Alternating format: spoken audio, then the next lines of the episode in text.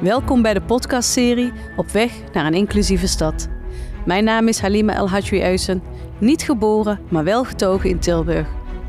Het lijkt misschien wel dat diversiteit en inclusie een hot item is. Maar het in- en uitsluiten van mensen is helaas geen nieuw verschijnsel.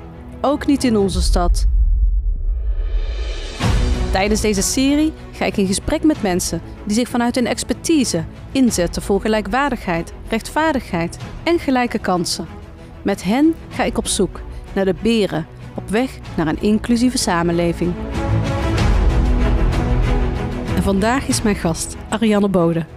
Vandaag gaan we het hebben over Tilburg, over jou en over uh, de, de queer community, eigenlijk uh, hoe dat wereldwijd is. Hè? Uh, zie jij jouzelf als onderdeel van een queer community?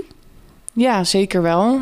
Ook heel lang niet heel geweest, maar wel ja, groeiende. En hoe meer ik me daarmee durf te identificeren en me een plek, mezelf ook een plek gun in die community, hoe meer ja, dat ook wel echt zo voel en zie. Ja. Even, stel jezelf even voor, Ariane. Uh, nou, ik ben Ariane Bode. Ik ben 29 jaar. Ik woon sinds mijn 18e in Tilburg. Ik ben hier komen studeren aan de kunstacademie. Um, nooit meer weggegaan. Hoewel ik altijd dacht, hmm, kijk wel eventjes. Maar, uh, Waar ben je vandaan gekomen? Uit Zeeland, uit een klein dorp, Kruiningen. Dus ik ben best wel in een, uh, ja, echt een dorps-plattelandomgeving opgegroeid. En uh, nou ja, niet gevlucht zou ik niet zeggen. Ik heb een fijn, fijne plek daar gehad hoor. Maar ik wilde ook wel weer graag de deur uit. En woont jouw familie daar nog? Ja, ja. Wil je ons even meenemen in hoe jij bent opgegroeid? Um, nou, ik ben um, ja, opgegroeid in een dorp waar mijn familie ook al een soort van ja, het, het, het, het kader was. Ik heb uh, mijn ouders zijn uit elkaar gegaan toen ik twee was en ik ben al grotendeels opgevoed door mijn moeder. Ik ging om het weekend naar mijn vader, maar dat was echt uit logeren gaan en die woonde een paar dorpen verderop. Um, dus ik ken eigenlijk vooral het gezin van mijn moeder, mijn zus en ik. En daaromheen mijn opa en oma en mijn tantes en mijn neefjes en nichtjes woonden ook allemaal in hetzelfde dorp. Um, ben daar naar de basisschool geweest ja. en daarna naar de stad, Goes, naar de middelbare school geweest. Ja. Dat was de grote stap. En van daaruit maakte jij de overstap naar Tilburg. Ja, vanuit Goes naar Tilburg. Hoe was dat? Ja. Uh, heel erg bevrijdend. Ja, ik had, uh, omdat ik in het dorp woonde en in Goes naar school ging, dat was echt. Dat was al een beetje bevrijding, maar ik kon daar bijvoorbeeld niet. Hoe ouder ik werd, uitgaan was niet zo heel makkelijk, want dan moest ik altijd bijvoorbeeld bij vriendinnetjes blijven slapen en de volgende ochtend vroeg terug in Kruiningen zijn. Uh, of mijn moeder moest me dan uh, om één uur s'nachts ophalen. Uh, dus ik had het gevoel dat ik heel erg moest schipperen tussen dat thuis zijn in het dorp en een beetje in de stad mijn puberteit hebben. Um, en toen ik in Tilburg eindelijk op mezelf woonde, dat was echt ja, heel erg zo van... oh, en nu kan ik het gewoon allemaal zelf beslissen. Ik weet nog dat ik dan een keer uitging en in mijn eentje naar huis fietste om drie uur s'nachts zonder jas. En echt van geluk dacht van wow, ik kan gewoon naar huis gaan wanneer ik wil. Ik kan gewoon zelf naar huis fietsen en naar mijn eigen bed toe gaan. En ja, dat was echt... Ik weet nog dat ik dat eerste jaar gewoon al heel bizar vond om te merken van... oh, ik kan dit allemaal zelf bedenken. Kon jouw moeder dat ook loslaten? Nee, nee, absoluut niet, nee. Dus had ze nog wel eens een eigen dat ze je s'avonds belde? Of hoe zag dat er nou uit? Nou, ze zocht gewoon heel veel contact. We belden wel regelmatig en... Uh, ja, ze vroeg gewoon heel vaak van... Goh, en uh, wat doe je dan allemaal? En ja, en was nog wel heel erg... Ze vroeg ook vooral heel vaak wanneer ik dan weer thuis kwam. Dus in het begin ging ik ook bijna elk weekend nog terug. En ik had nog een baantje daar. En ik moest mijn rijlessen nog afmaken. Praktische zaken. Maar zodra ik dan langzaam maar zeker dat had afgerond... en dan hier ging werken... Uh, ik heb bij de groentewinkel bij Appelsien heel lang gewerkt. Diep in mijn hart. Een hele fijne plek. ja, dan ging ik daar elke zaterdag werken. En dan ging ik in het weekend naar vriendinnen die ik nog van de middelbare school had. Maar die woonden dan in Rotterdam of in Utrecht. Dus mm. ik ging steeds minder. Ja, ging langzaam aan dat wel steeds meer loslaten. Ja. En hoe is dat nu? Um, ja, ik zie mijn ouders eigenlijk heel weinig, te weinig, denk ik, in hun ogen.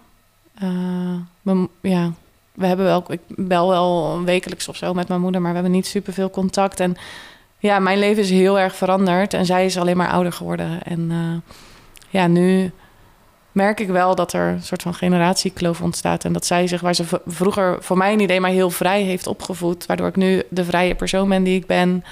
En eh, ja, ook wel onafhankelijk ben in hoe ik denk en wat ik doe en waar ik naartoe ga. Hoe bij haar dat is veranderd in een beetje meer angst en op zichzelf. En dat projecteert af en toe. Dus dan gaat ze allemaal vragen stellen over of ik nog wel met de laatste trein naar huis kan komen. Terwijl ik dan denk, ja, ik ben 29. Ik weet echt wel hoe ik de laatste trein naar huis moet nemen ondertussen. Dus dat zijn, uh, dat ja, botst soms een beetje. Maar ja, ik merk wel dat, uh, dat er nog heel veel liefde tussen is. En dat we natuurlijk wel ja. ja. elkaar het beste gunnen. Daar komt het uiteindelijk uit voort. Weet je, we willen natuurlijk het beste voor elkaar. Ja. En um, je zegt, ik ben heel beschermend opgevoed, hè? Uh, in ieder geval in het dorp, hè? Als ik dat goed heb begrepen. Vrij, vrij opgevoed door je ouders, maar toch heel beschermend. Of heb ik dat niet... Uh... Ja, ik, vind het, ik weet niet zo goed...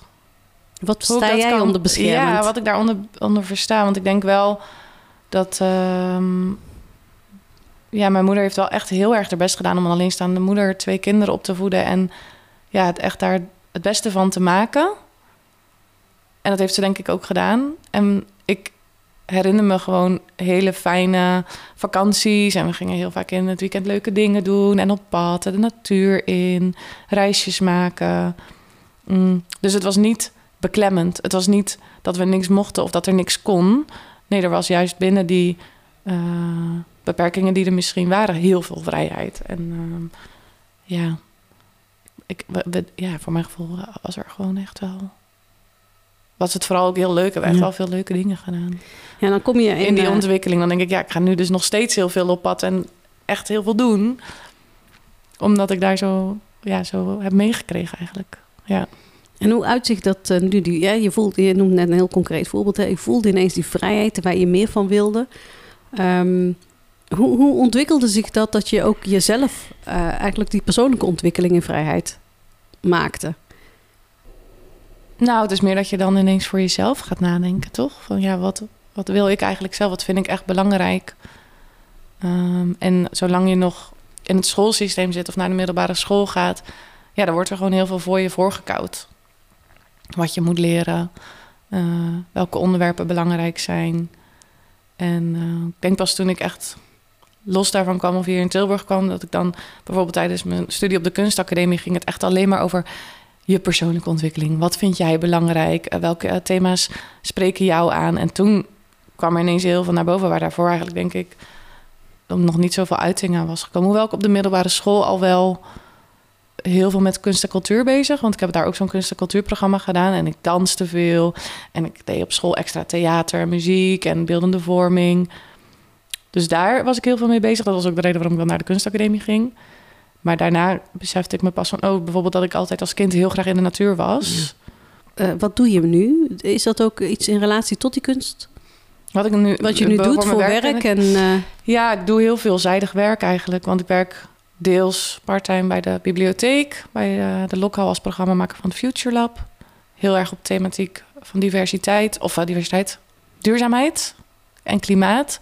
Maar voor mij is klimaat nu ontzettend verbonden aan rechtvaardigheid. En mhm. daaraan zit weer een stukje diversiteit en inclusie. Dus dat, dat is best wel breed. Ik Kun je die aan elkaar verbinden? Ja, absoluut. Ik denk dat uh, de weg naar een duurzamere samenleving uh, dezelfde weg is als naar een inclusievere samenleving. De mensen die het, het, snelst en het meest geschaad worden door bijvoorbeeld klimaatverandering, dat zijn dezelfde gemarginaliseerde groepen. Die in het gesprek vaak missen naar een oplossing toe. Dus ik zie daar wel ja, veel Die ook vaak geen gesprekspartner zijn in dit verhaal. Nee, precies. Maar ook worden er heel veel oplossingen bedacht... die gewoon niet toegankelijk zijn voor bepaalde groepen. Dus ja, dan denk ik, waar, waar, hoe is dat dan een duurzame samenleving? Als je daar maar een heel klein gedeelte van de mensen... dat een elektrische auto kunnen betalen... ja, dan is dat voor mij geen duurzame oplossing...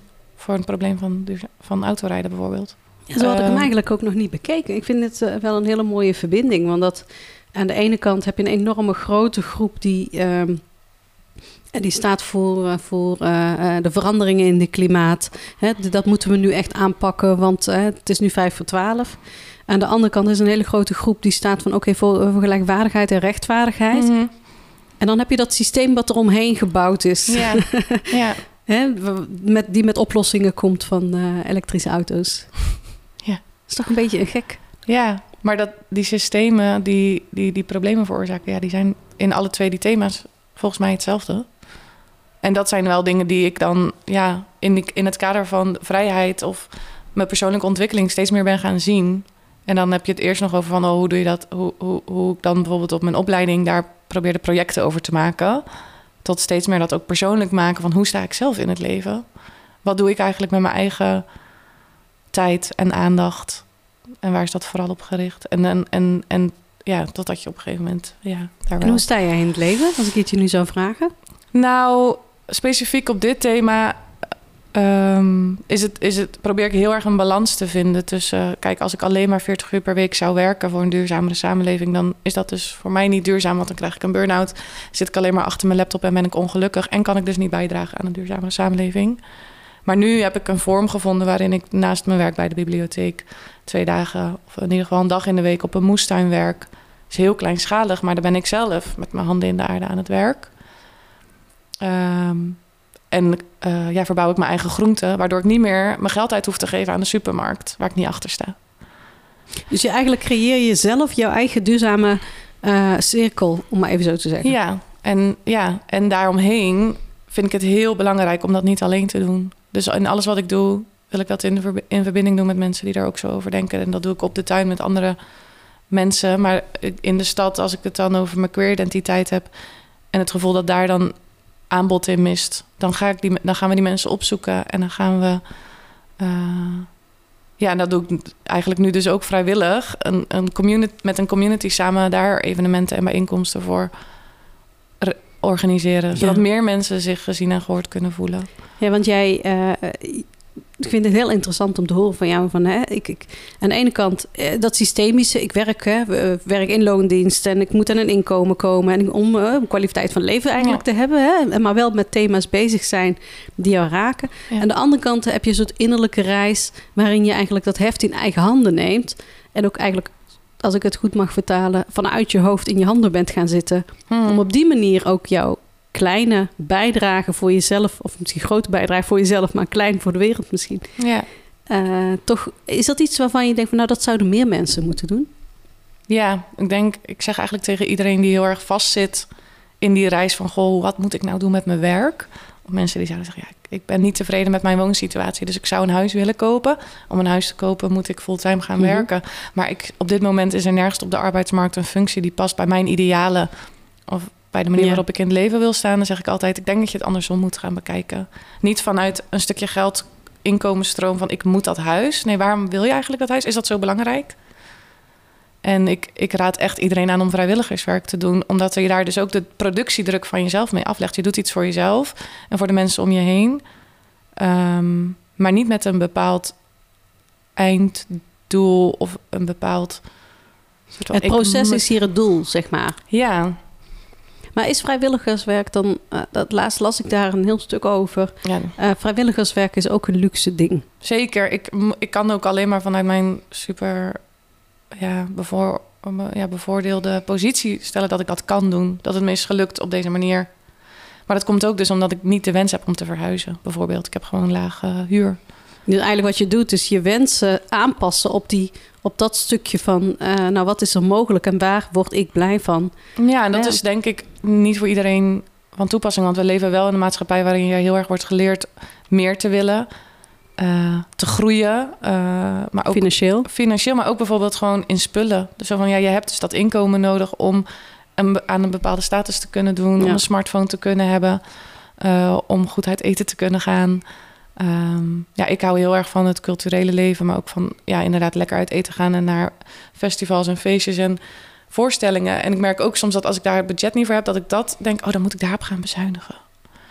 En dat vind ik heel moeilijk, want dan denk ja. ik, ja, maar dat is dus ook hetgene waar, mij, waar wel mijn geluk uit te halen valt. Ja, ik vind het moeilijk. Ik kan het echt. Ik weet dat ik dit heel erg zeg vanuit een positie van denk, oh, makkelijker gezegd dan gedaan. Ja. ja. Um, ik, als ik kijk naar hoe ik bijvoorbeeld boodschappen doe, heb ik niet zoveel geld aan kwijt. Want ik, kan, ik heb tijd om mijn eigen groenten te verbouwen en daar een groot deel van mijn eigen eten vandaan te halen. En de rest probeer ik dan bijvoorbeeld biologisch te kopen of uh, bij een kleine ondernemer. Kost me heel veel tijd. Ik ben daar twee dagen per week mee bezig. Omdat je eigenlijk ook afreist van de ene boer naar de andere. Uh, bijvoorbeeld, als ja. ik dat zou doen, dat doe ik niet altijd. Um, maar ook altijd voor mezelf koken. Dus ik zorg dat ik een volle koelkast heb en gewoon iedere dag als ik thuis kom van mijn werk en ik ben eigenlijk best wel moe en overprikkeld, dan weet ik, weet je wat me nu gaat helpen, is eigenlijk een uur in de keuken staan. Dat werkt niet voor iedereen zo. Maar als jij een alleenstaande moeder bent met twee kinderen die naar school gaan en die ook nog naar de voetbal moeten of naar dansles en je werkt ook nog parttime, dan snap ik wel dat je Ja. iets gaat afhalen. Dus dat is dan eigenlijk ook schurend. Want net noem Ja. je de verbinding hè, tussen eh, inclusie en, en duurzaamheid. En, en, en die snap ik, die kan ik heel goed volgen. En tegelijkertijd schuurt dat op het moment dat mensen duurzaamheid... eh, dat mensen het privileges niet hebben. Dus het voorbeeld wat je Mhm. net schetste. Mensen hebben gelaagde problemen, financiële problemen. Mhm. eh, kun- kunnen net hun hoofd boven water houden. Dan is duurzaamheid niet hetgene wat top of de list staat. Nee, maar ik denk dat er wel duurzaamheid te vinden is op een andere manier, maar noemen we het gewoon niet zo. Want als ik kijk, zeker vanuit hoe waarin ik ben opgevoed, als er iets niet werd verspeeld thuis, dan was het voedsel. Daar zou ik nu niet helemaal mee eens zijn, maar als mijn moeder iets slim aanpakte, dan was het de boodschappen doen en dingen invriezen.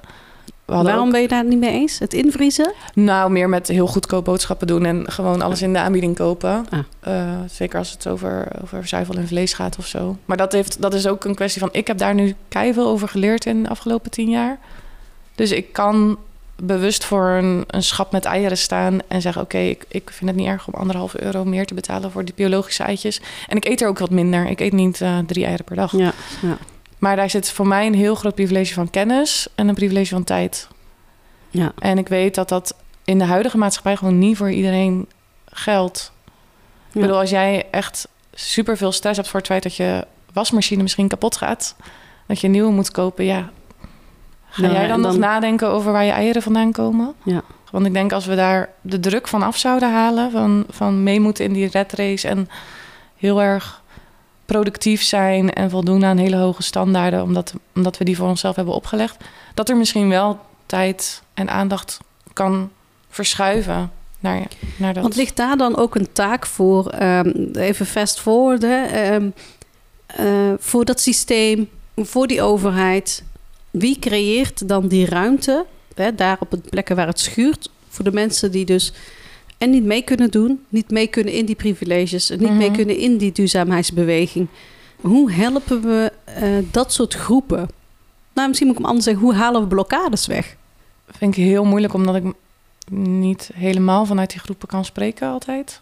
Zijn ook al Maar over... vanuit het systemische? Ja, ik denk alleen maar zolang we nog in een kapitalistisch systeem zitten, moeten we nu stoppen met alles heel erg bureaucratisch en in regeltjes weten te vormen, maar gewoon een basisinkomen geven.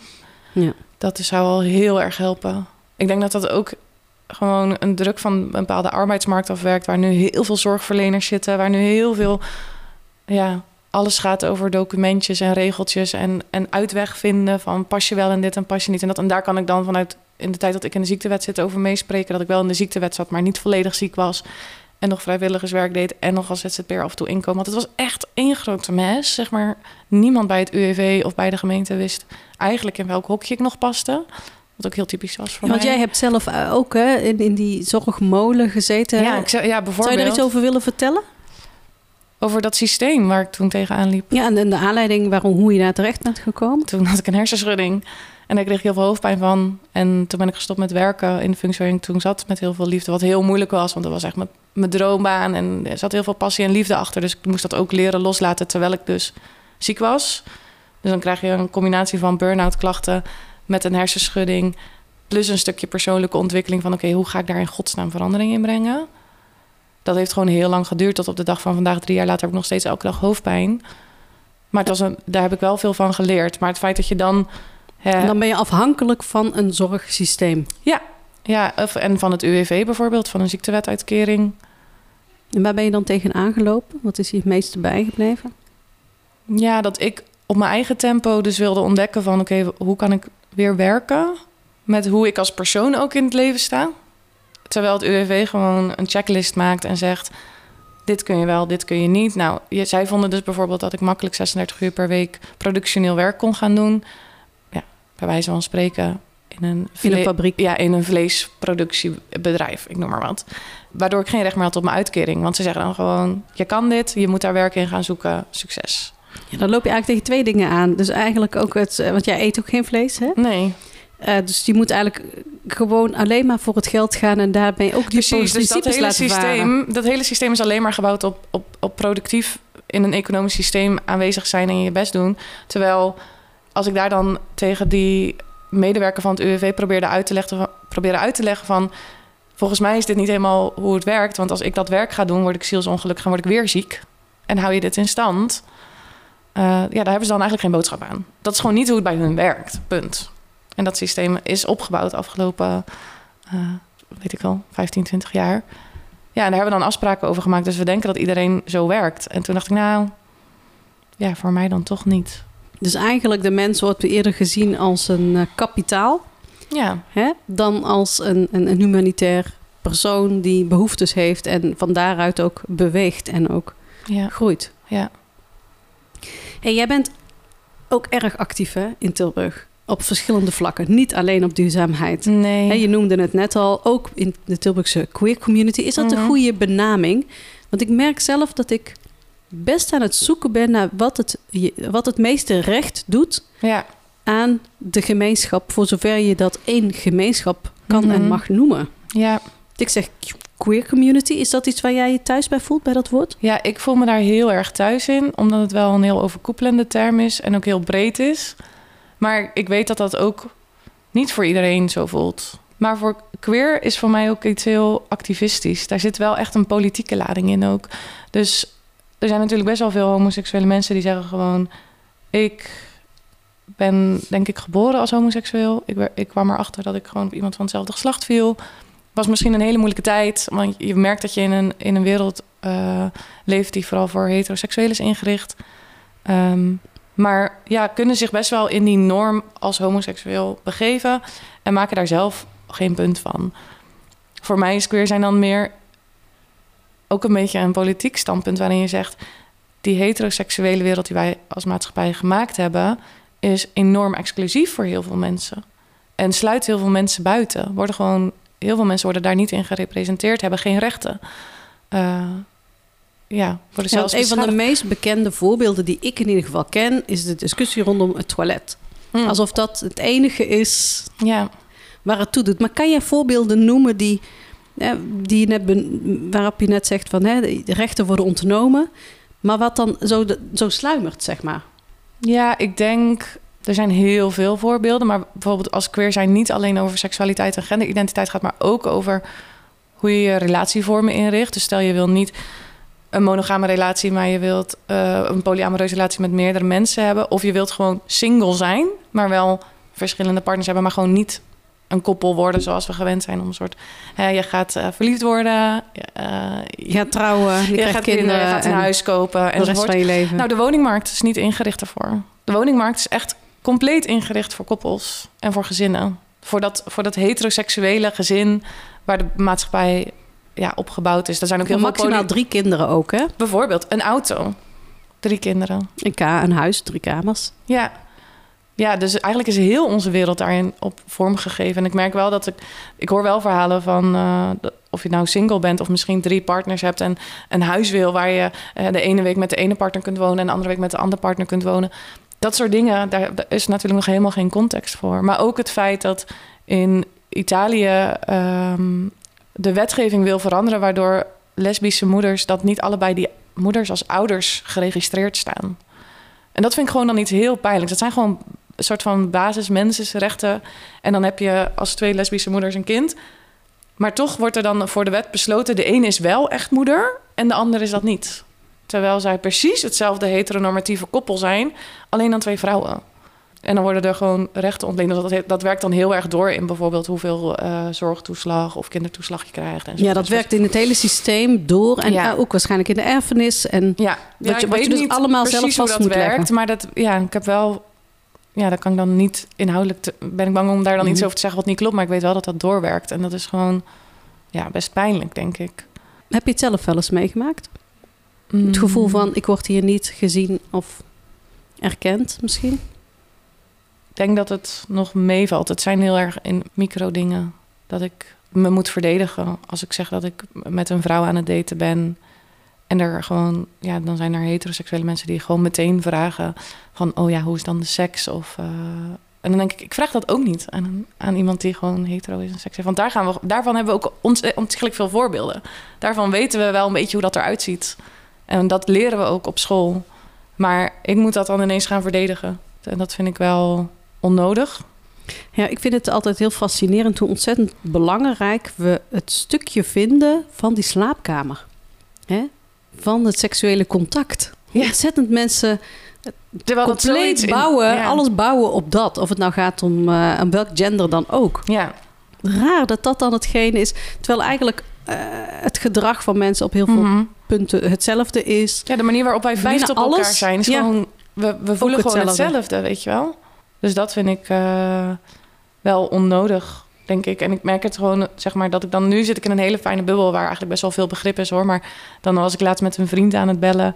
En dan probeerde ik iets uit te leggen over hoe nou mijn dateleven in elkaar zit. En toen zei hij, ja, het is zeker alleen maar drama met die vrouwen van jullie. Omdat je met vrouwen deed. En toen dacht ik echt, oh, ik vind het zo vermoeiend. Dat Wat het doet met- dat met je? Ja, nou, ik was daar wel even... Ik heb daar toen een soort van semi-grappige opmerking op teruggemaakt. Maar Want je lacht later, het weg. Ik lach het weg. Want je hebt gewoon weg de energie niet om daar een discussie over te moeten voeren. Maar ik voelde later wat onbegrip en wel echt een beetje een steek. Want dan denk ik, als jij ruzie met jouw vriendin hebt, zeg ik ook niet dat het eraan ligt omdat zij een vrouw is. Of dat jullie een hetero koppel zijn. Terwijl er precies in hetero koppels precies dezelfde soort drama plaatsvindt. Dat het ook niet het ideale leven is. En voel je dan ook de ruimte om daar terug te komen? Of de behoefte? Ja, steeds vaker wel. Soms niet. Het ligt ook heel erg aan hoe ik zelf in mijn vel zit en hoeveel ruimte ik heb. Dus op dit moment denk ik dan... ach, volgens mij zijn we nog steeds vrienden... en eh, bedoelen we het allebei goed. Ga ik hier nu geen punt van maken. Maar in andere contexten durf ik wel vaker te zeggen van... hé, hey, ik hoorde dat je dit en dit zei. Ik voel me daar niet helemaal goed over. Bedoelde je dit of bedoelde je dat? En dan kan de lucht wel weer geklaard worden. Hey, even, even terug naar ehm, eh, een van de vragen waar ik zelf ook heel erg eh, mee in aan het zoeken ben. Hè? Dus dan heb je, eh, je hebt de hele gemeenschap. Maar onderling zitten er natuurlijk echt wel heel erg eh, verschillen. Ja. Hè? In de tijd dat we het eigenlijk alleen maar hadden over seks, lesbiennes en homoseksuelen, Ja, is er nu eigenlijk een hele groep bijgekomen. Ik noem het even tussen aanhalingstekens, zelf in ieder geval zichtbaar geworden. Die allemaal ook op die hoop gegooid zijn. ja. Heb jij een beetje zicht op hoe, dat dan, hoe die onderlinge verhoudingen zijn? En ik, ik noem het omdat dat, eh, ik, ik heb een biculturele achtergrond. En dan krijg je eigenlijk een beetje het, de tendens van jullie buitenlanders. Mhm, ja.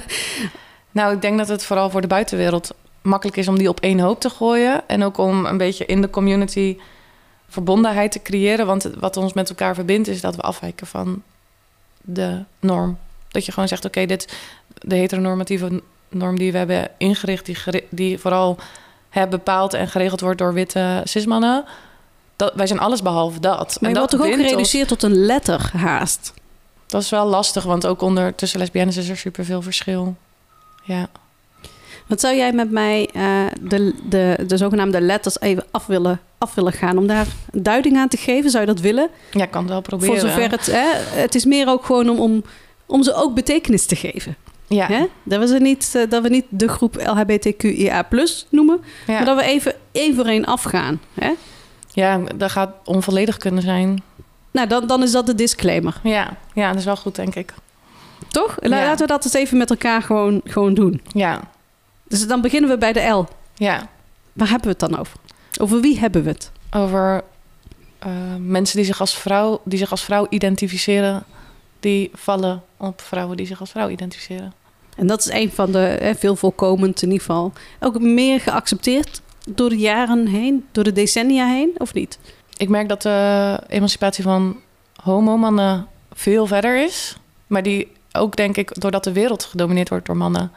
toch ook een beetje al daar op een, een, een, een treedje hoger staan, zeg maar. Maar en wat wel niet... mooi is, en denk ik een leuke anekdote is waarom die L als eerste daar staat. Vroeger was het namelijk de G. Is dat omdat in de... De eh, G van?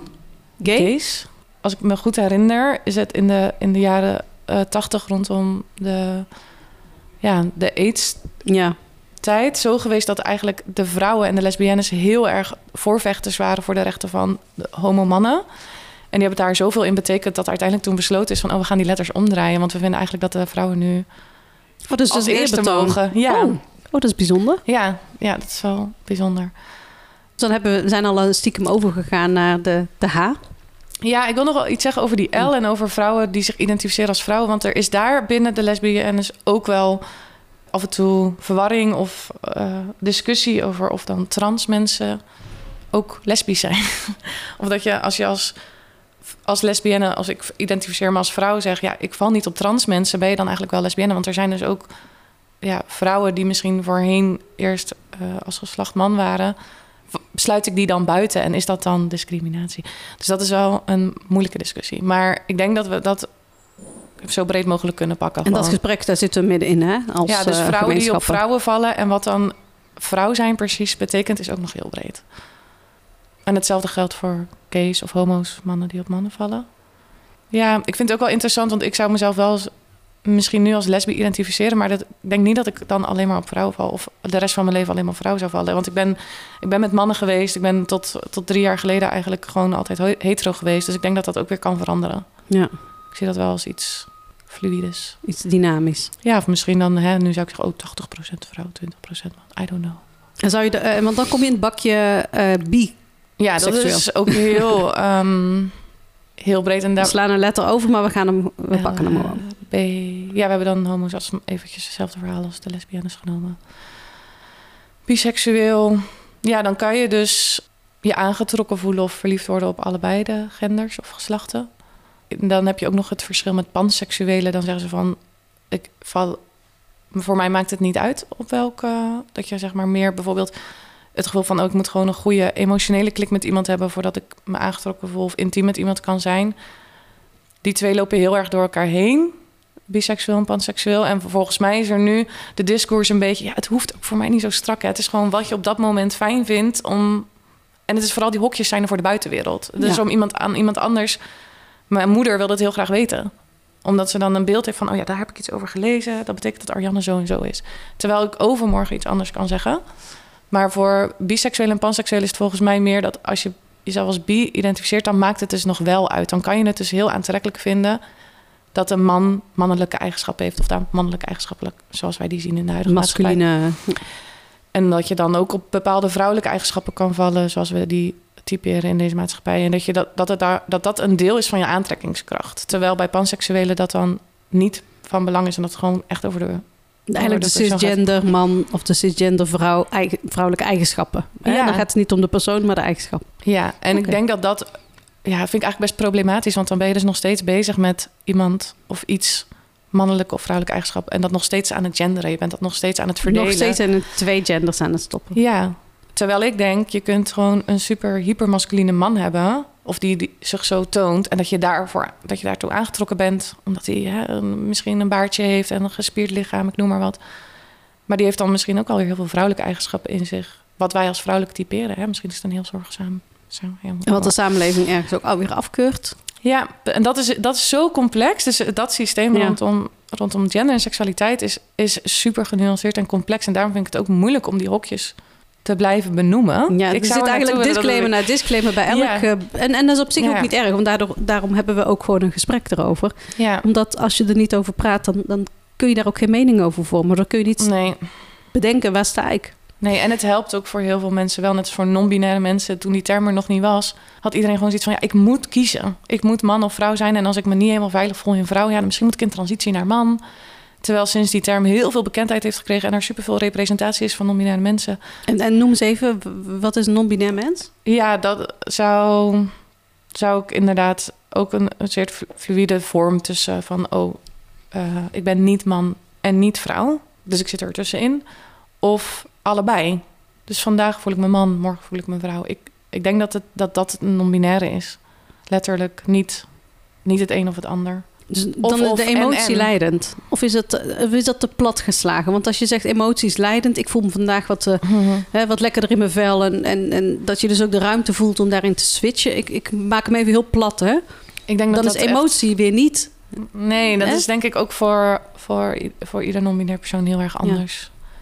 En ik kan me voorstellen, wat ik wel eens hoor, is dat het ook gewoon heel veel vrijheid van expressie geeft. Dus als jij inderdaad naar een feestje gaat en je denkt ik wil me vandaag masculiner presenteren, dan kun je er dus voor kiezen om buiten je hokje te stappen en te zeggen: Ik ga hiervoor. En vandaag voel ik me veel masculiner en morgen heb ik zin om hakken aan te trekken.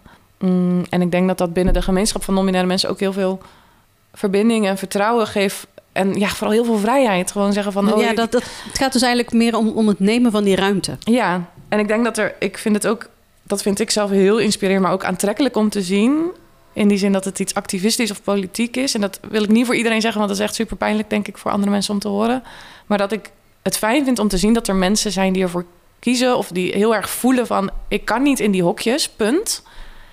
En dat je dus iemand ziet en ook gewoon merkt, ah, jij bent gewoon jezelf. Je bent gewoon wie jij bent, zonder dat je het gevoel hebt ik moet me in een masculien of in een feminiem hokje duwen en daar naartoe kleden. En het is niet alleen in expressie en uiterlijk, maar ik denk dat dat ook heel erg zit in karaktereigenschappen, in hoe je je voelt, hoe je relaties aangaat. En dat dat gewoon steeds, dat dat iets- is wat gewoon van je afvalt en loslaat. En dat, en dat vind ik ook heel mooi om te zien. Dat dat, ja, dat- ik denk dat dat wel een voorbeeld is van de, de gegenderde wereld moeilijk vindt. Die kunnen daar dan zoiets van, wat kan, ik kan jou niet in een hokje plaatsen, wat moet ik er nou mee? Oh, voornaam worden ingewikkeld. Ja. Terwijl het enige wat die mensen laten zien is... het kan anders. We hoeven niet in dat malletje.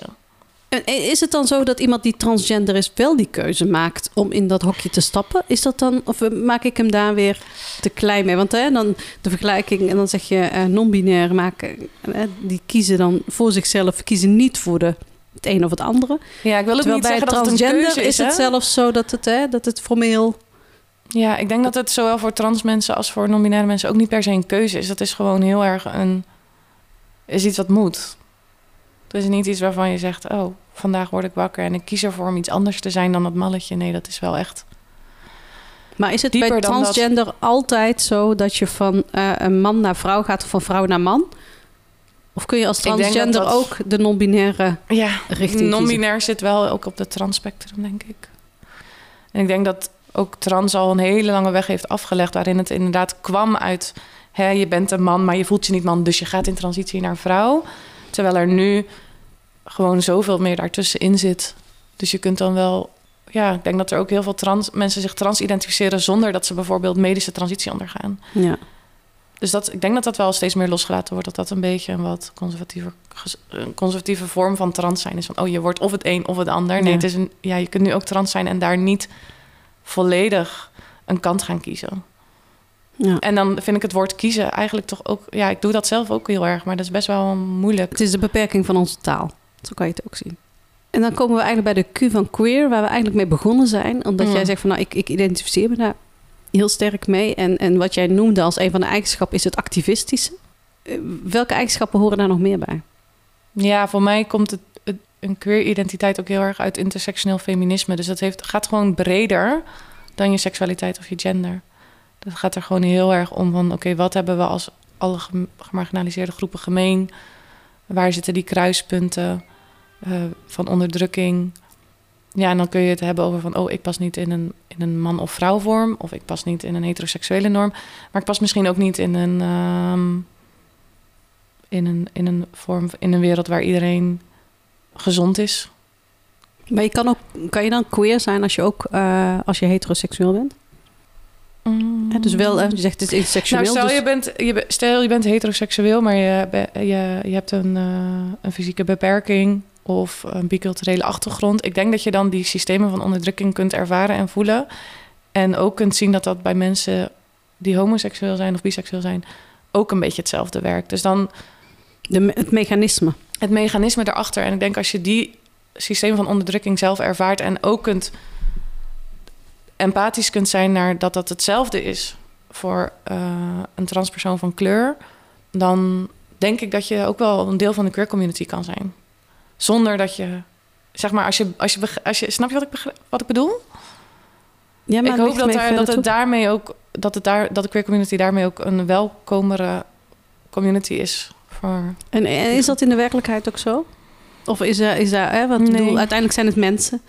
En, we, en, en hoeveel, hoeveel je ook wil proberen om buiten die systemen te denken. We, we- hè, ons mechanisme in ons brein is natuurlijk wel op een bepaalde manier opgebouwd. Die continu op zoek is dus naar dat vierkantje. Nou, ik denk dat het in de, helaas in de realiteit alleen maar weerstand geeft tegen mensen die, die zich niet queer identificeren in de vorm van seksualiteit of gender. Die dan alleen maar inderdaad denken, oh, er is weer een groep waar, en daar hoor ik niet bij. En dat staat een beetje op een soort van, ja, mag ik er dan bij? onderling weer, hè? Ja, en dat vind ik heel moeilijk, want ik merk ook wel, wij organiseren met Cult dan bijvoorbeeld een feestje. Wat dan- cult is? Ja, Cult is een... eh, Gaan we daar ook ja, uitgebreider over hebben. uit- maar... uitgebreider op in. Maar in Tilburg hebben we een, een soort initiatief gestart eh, wat Cult heet. En we willen eigenlijk een, een plek en een, en een community voor queer mensen in Tilburg zijn. En een onderdeel daarvan is dus dat we in de kraakkelder eh, vanavond een feest geven. Maar dan zijn er wel hetero vrienden van mij die dan vragen, mag ik ook komen? En dan denk ik gewoon heel erg bij mezelf, wil je komen? Hè, wil je dat echt? Of zeg bedoel je, je, met welke intentie wil met je welke, komen? met welke intentie wil je komen? Want iedereen is welkom. Sowieso. Iedereen mag komen. Maar wil je vooral komen omdat je bijvoorbeeld altijd hebt... ik ben uitgesloten en dat snap ik niet, dus... Hè, hoezo mag ik er niet bij zijn? Of wil je gewoon heel graag naar een feestje waar heel veel queer mensen zijn? Voel je je verbonden met deze mensen? Dan is het een heel ander verhaal. En we hebben dan bijvoorbeeld ook een code of conduct... waar gewoon een aantal spelregels in staan. Die zijn heel vaag, maar er staat wel in... er is gewoon geen plek voor eh, discriminatie in welke vorm dan ook. Geen transfobie, geen homofobie, geen racisme. Punt. Er is geen plek voor intimidatie, geen grensoverschrijdend gedrag of oh, ja, ongewenst aangeraakt worden of wat dan ook, zoals we dat in, in, in het uitgaansleven in Tilburg soms wel kennen. Mhm. Als je niet zo goed begrijpt wat dat betekent, of je daar nog nooit mee te maken hebt gehad, en je leest die regels en je denkt, jeetje, wat veel regels, ja, dan is het toch geen leuk feestje meer. Dan moet je niet komen, dan is het gewoon niet jouw plek, denk ik. Maar als jij een, veilig, een veilige plek wil creëren en weet hoe je om iemand om consent vraagt, of hoe je op iemand op een leuke manier eh, aan kan spreken om mee te flirten in plaats van agressief, opdringerig, ja, dan ben je hartstikke welkom. Ik zei net van, nou, emotie is misschien emotieleid, maar is gedrag niet het woord wat leidend is? Ja, voor mij zit het queer heel erg dus ook in, het, in de theorie. In een soort van, je ziet dat, we, dat die onderdrukkende systemen er zijn van een patriarchaat en het kapitalisme. En daar, daar willen we van afwijken, maar daar wijken we ook vanaf. Dus we kunnen niet anders dan ons organiseren en het proberen anders vorm te geven.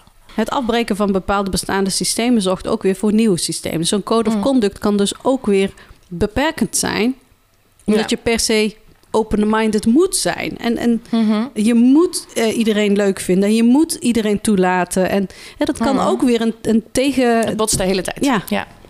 Ja. Dus dat schuurt.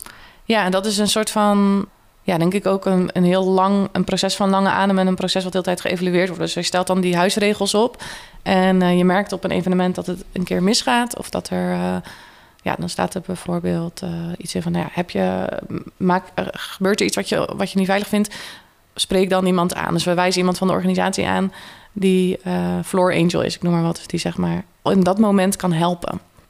We maken even die laatste drie eh, Ja, waar zijn we? eh, onderdelen. Maar, ik, ik ben wel heel blij met dit Mhm. gesprek. Want ik zeg al, het, woorden moeten ook lading en betekenis krijgen. En zolang we ze niet benoemen en niet omschrijven... kan ik, eh, ik, eh, nou, ik in mijn persoon, maar ehm, wij als samenleving... kunnen dan daar ook geen eh, nieuwe inzichten voor krijgen... maar ook geen standpunt in nemen. Hè? Dus je bent Mhm. ook aan het zoeken, maar als je het niet kent...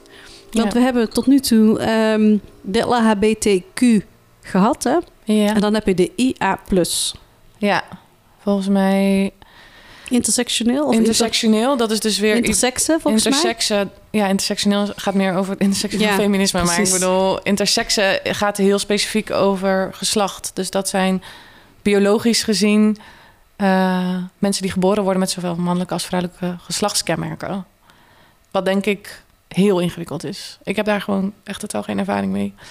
Ik weet wel dat er in onze huidige maatschappij, ik weet niet of dat nu nog steeds zo is, maar pak een beetje 20 jaar geleden, als er een babytje geboren werd met die kenmerken, dan werd er gewoon Eentje weggehaald. werd er bij geboorte besloten eh, dat het een meisje of een jongetje werd. Nou, dat is super traumatisch, want ik kan me voorstellen dat je eigenlijk dan als intersexe persoon, ja, al voordat je daar zelf over hebt kunnen nadenken of kunnen voelen in de maatschappij wat je wil, ben je al in een hokje geduwd. Daar komt gewoon een heel ander verhaal bij. En die, en die groep is echt ontzettend ondergerepresenteerd. Dus daar kan ik echt moeilijk vanuit Mm. spreken. En de A voor asexuele mensen die eigenlijk überhaupt, denk ik, seksueel weinig aantrekkingskracht voelen of geen. Is het Daar die hoor je eigenlijk ook weinig over. Hè? veel te weinig. Ja. Ja, en daar liggen ook op die allebei die dingen liggen allebei ook super veel taboes en stigma's. Ja, Daar moeten we daar valt nog veel ja, te, te werken. Hè? ja, En wat, wat is de plus? Waar staat dat voor? Ja, geen idee eigenlijk. Al die andere dingen. Hey, eh, cult, je hebt het al een paar keer genoemd, hè? En Mm. als het even voor, eh, want ik, ik weet nog bij de introductie ehm, vroeg ik aan iemand: is het nou cult of kilt? Of Mhm. weet je wel, kilt als een eh, patchwork? Of, Mhm. Dus help me even. QLT is eigenlijk een eh, ironisch of een soort van grappige afleiding van cult. Met een C in het Engels. Secte, cult. Heeft een beetje een mm, misschien niet zo positieve connotatie, want daar komt vaak ook een soort van eh, ja, misbruik uit voort of zo. Er zijn een soort van sectes met hele Mhm. rare leiders. En eh, ja, daar willen we wel echt voor waken dat het dat niet is. Maar wat een cult eigenlijk is, is vooral een groep gelijkgestemde mensen die verbinden rondom een bepaald, bepaalde manier van in het leven staan of een bepaalde manier naar de wereld kijken. En daar heel veel veiligheid en ja, een gevoel van community uithalen. Dus het is eigenlijk een soort, voor mij is het een ander woord voor community. En hoe is dat tot stand gekomen? Nou, ja, het is moeilijk om daar, om daar een soort van vinger op te wijzen. Maar vanuit mijn verhaal, mijn beste vriendinnetje, Laurien de Feiter, die werkt bij de Nieuwe Vorst. Nou, wij kennen daar natuurlijk wel. We hebben daar ook een, een eh, groep vrienden om ons heen, veel collega's en mensen. Eh sommige daarvan die zich ook queer identificeren. Nou, en we liepen al best wel. Zij vooral ook met het idee van ja, we moeten toch meer in Tilburg gaan organiseren voor die community. Want we hebben gewoon niet echt plekken om uit te gaan. Er zijn weinig feestjes die zich echt richten op deze specifieke doelgroep. En daardoor ja, hebben we wel eens zo van als we uitgaan, dat we dat heel erg misten. Dan gaan we naar de Peanuts. Maar de Peanuts wordt gedomineerd door witte homomannen. Eh groot, grotendeels niet echt. Het is niet jonger. Het is eh, niet echt gericht op jongeren of heel erg. eh, dat activistische zit er ook niet echt in. Het is daar best wel leuk en gezellig, maar hebben, we denken iedereen. Er zijn echt veel mensen in Tilburg, maar waar komen die dan samen? Dus we speel, vooral zij speelden wel echt heel erg het idee van om daar iets in de Nieuwe Vorst te organiseren. En toen hebben we vorig jaar, eigenlijk zij heeft vorig jaar toen besloten we gaan het Eurovisie Songfestival, wat echt heel erg in de LHBTI community één groot feestje is. Is echt een soort regenboogfestijn. Ja, we gaan gewoon een watchparty organiseren in de Rode Salon. Eh, heel laagdrempelig had ze dat gewoon hè, intern geregeld. Gezegd, nou, we sturen een paar mensen een WhatsAppje. Kom vooral. Hè. Nou, die Rode Salon was helemaal vol. Met allemaal mensen die wij ook nog niet kenden. Dus dat had zich echt als een soort lopend vuurtje verspreid. Het was een veilig onderwerp waarbij je wel de juiste doelgroep raakte. Ja, het was overduidelijk van, hè, dit is voor eh, queer mensen. We gaan het Eurovisie Songfestival kijken.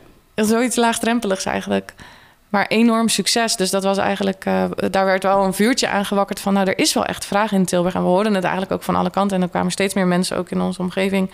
En bij de Nieuwe Vorst, die zo, ja, ik wil eigenlijk ook wel een lesbisch gala organiseren. Of, eh, goh, weet je wat echt leuk zou zijn als we een keer zo'n filosofieavond doen? Want er zijn dan wel eens filosofieavonden, maar dat het dan echt gericht gaat op uh, queertheorie of, of, of, of ja, meer dat soort gerelateerde thematieken. Nou, en toen heeft Laurien gezegd, nou, ik ga eens even een keer... Het eerste wat we dus moeten doen is misschien aan tafel gaan zitten... met die mensen die nu met al die ideeën lopen. We zaten toen best wel random een aantal gezichten aan een Mhm. tafel. Hebben gewoon ons die behoeftes met elkaar uitgesproken. En alle ideeën die, al, die er al lagen... maar ook alle initiatieven die we voorbij hebben zien komen... maar die misschien niet helemaal gelukt waren... en waar dat dan aan lag. En wat we vooral misten. En nou ja, binnen één avond was eigenlijk besloten van... dan gaan we het toch zelf doen? Dan gaan we gewoon nu beginnen. Uh, ja, en, en zeiden we zitten hier nu met z'n achten aan een tafel. We waren uh, één homoman en uh, zeven witte vrouwen. Mm, nou, zeiden we, we, we, moeten wel wat meer mensen hier inspraak op gaan geven... want die community in Tilburg is veel groter dan alleen wij. En er zijn dus ook al, je hebt ook het COC en ja, de regenbooggemeenschap van de, van de, van de universiteit en GSA. Er zijn, er zijn dus al best wel georganiseerde groepen. groepen. Er zijn al groepen en mensen die hiermee bezig zijn. Dus toen hadden we een maand later in de kraakkelder een brainstorm sessie gehouden. Want we zeiden, we gaan het even verspreiden. Eventjes al onze netwerken aanboren. Iedereen die daar iets over te zeggen heeft en die zich creatief identificeert. Dus ook gewoon individuen, al onze andere ja. vriendjes en vriendinnetjes, huisgenootjes. Van nou ja, als je hier iets over te zeggen hebt, kom maar naar die brainstorm. Nou, daar kwam zoveel energie uit vrij. En echt heel veel individuen die zeiden, ik wil dit organiseren. En ik wil een kledingruil en ik wil een themafeestje en ik wil gewoon een knutselavond. Want wat miste er was eigenlijk gewoon een plek om samen te komen. Ja. Om elkaar te treffen, om over dit soort thema's op, in, een, in een sfeer te kunnen praten met gelijkgestemden. Nou ja, en daar, zijn, uh, daar is gewoon in een hele korte tijd van alles uitgerold. En het is nog steeds in ontwikkeling. Wij zijn niet, nog niet echt een vaste stichting of een vaste groep. Het is Ja, nog heel fluïde. Ja, en dan denk ik, ja, eh, prachtig om te horen hoe organisch dit tot stand is gekomen. Ja. Hè? Waar is binnen dit verhaal ruimte voor het ongemakkelijke gesprek? Om het over die vei- onveiligheid te hebben. En om, of is daar geen behoefte aan, omdat dat ergens anders Ja, dat, gevoerd wordt? ik denk doordat we die, die plek creëren, dat die gesprekken tussen mensen plaatsvinden. Dus heel erg op het individuele niveau. En binnen de organisatie merk ik ook dat het steeds meer ruimte neemt. Dus waar ik eh, af en toe ook wel eens denk, ja, we moeten gewoon dingen organiseren. En we hebben nog zo'n actielijst. Zijn we soms ook een hele avond gewoon even in gesprek met hoe voelt dit voor ons? Weet je, voelen wij ons eigenlijk nog wel veilig onderling? Dus dat is heel erg, ja, wat we net over remmen en Mhm. gas geven hadden. Ja, daar zit wel veel tijd in. Het is gewoon heel veel praten. en proberen begrip voor elkaar te houden. En grenzen aan kunnen geven. Dus als je denkt van nou, dit past nu gewoon even niet bij mij. Ook goed. Dat totaal accepteren. Dat lijkt me ook vermoeiend. Oh, Want je het is bent zo continu- vermoeiend. Het lijkt, het lijkt, het is een organisch proces en je wilt elkaar ruimte geven, maar zo zijn we niet gebakken, zeg maar, als mens. Dus Nee. het is continu eigenlijk een beetje indruisen tegen die, ja, tegen die natuur die heel erg graag alles in stereotypen en in weerstand stopt. En eigenlijk het voor zichzelf zo veilig mogelijk wil maken. Hè? Dus, Ja. maar als je continu de ruimte geeft om, om, om ook voor anderen om daar iets van te vinden, betekent dat ook dat er intern ook wat met je gebeurt. En dat dat dus ook kan backlashen. Ja, het is dus, dat is het vermoeiende, want het gaat echt over je persoonlijke identiteit. Het is niet mijn werk om, ja, zeg maar, ik, ik met een kantoorbaan in die zin, je gaat naar je werk, je doet het voor andere mensen of voor het groter geheel van je bedrijf en dan ga je weer naar huis. En ik doorleef dit Hmm. constant zelf ook. En een mooi voorbeeld is ook wel dat we tijdens de openingsavond op 1 juni, dat was dan ook opening van Pride Month, dus we hadden gezegd dat is een super vet moment om cult echt te launchen.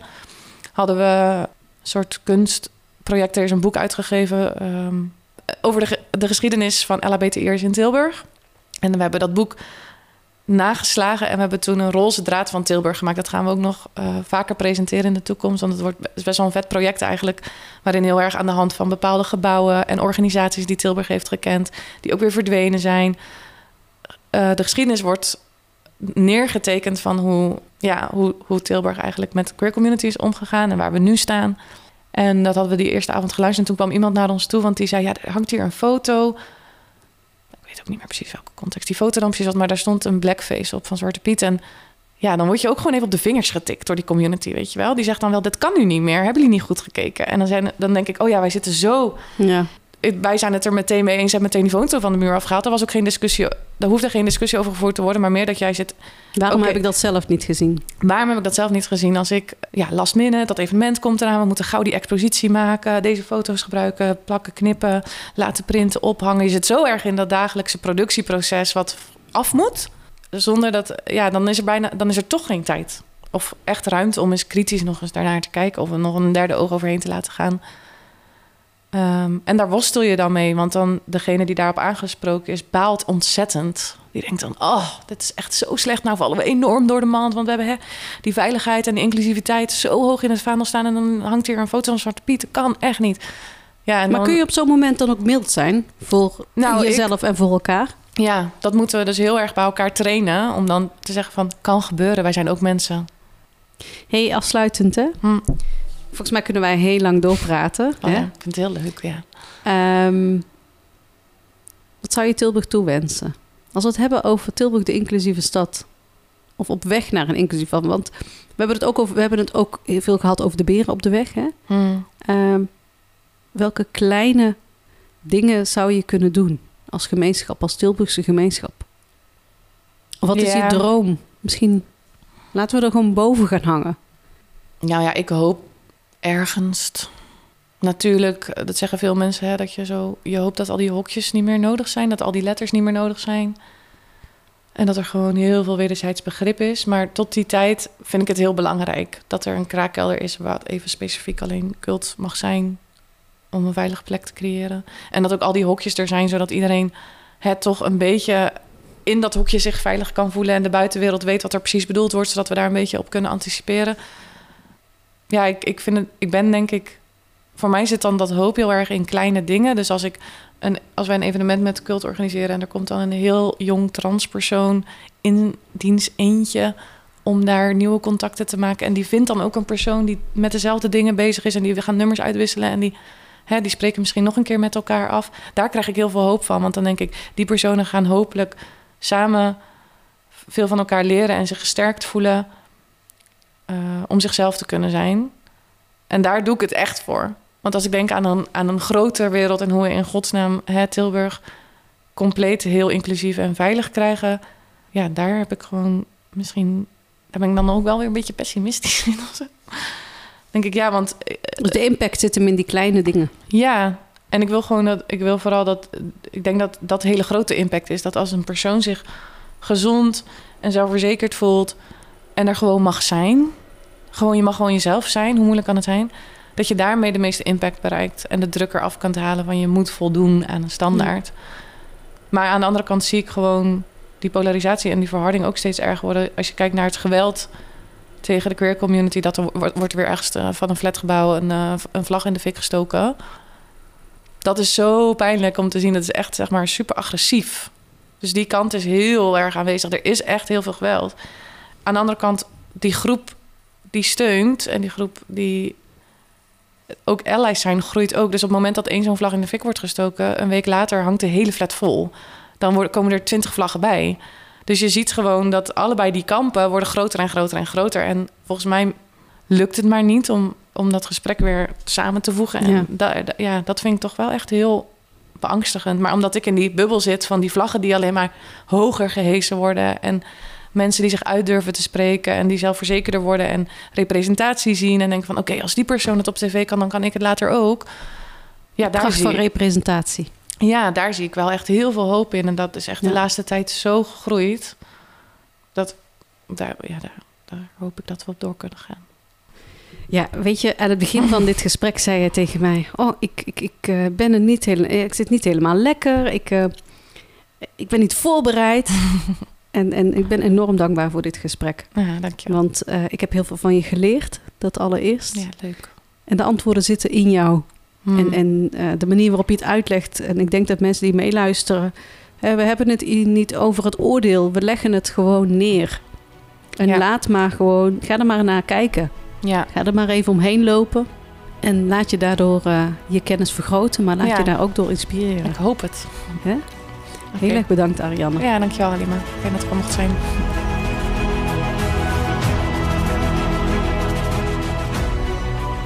Bedankt voor het luisteren. Wil je meepraten? Volg ons dan via de socials van de Inclusiefabriek en Omroep Tilburg. Deze podcast is tot stand gekomen met ondersteuning van het Tilburg Mediafonds en in samenwerking met Omroep Tilburg. De productie is een initiatief van Halima Alhadju Eusen, oprichter van de Inclusiefabriek. Wil je meer horen over dit thema? Luister dan ook naar de andere afleveringen van de podcast Op weg naar een inclusieve stad.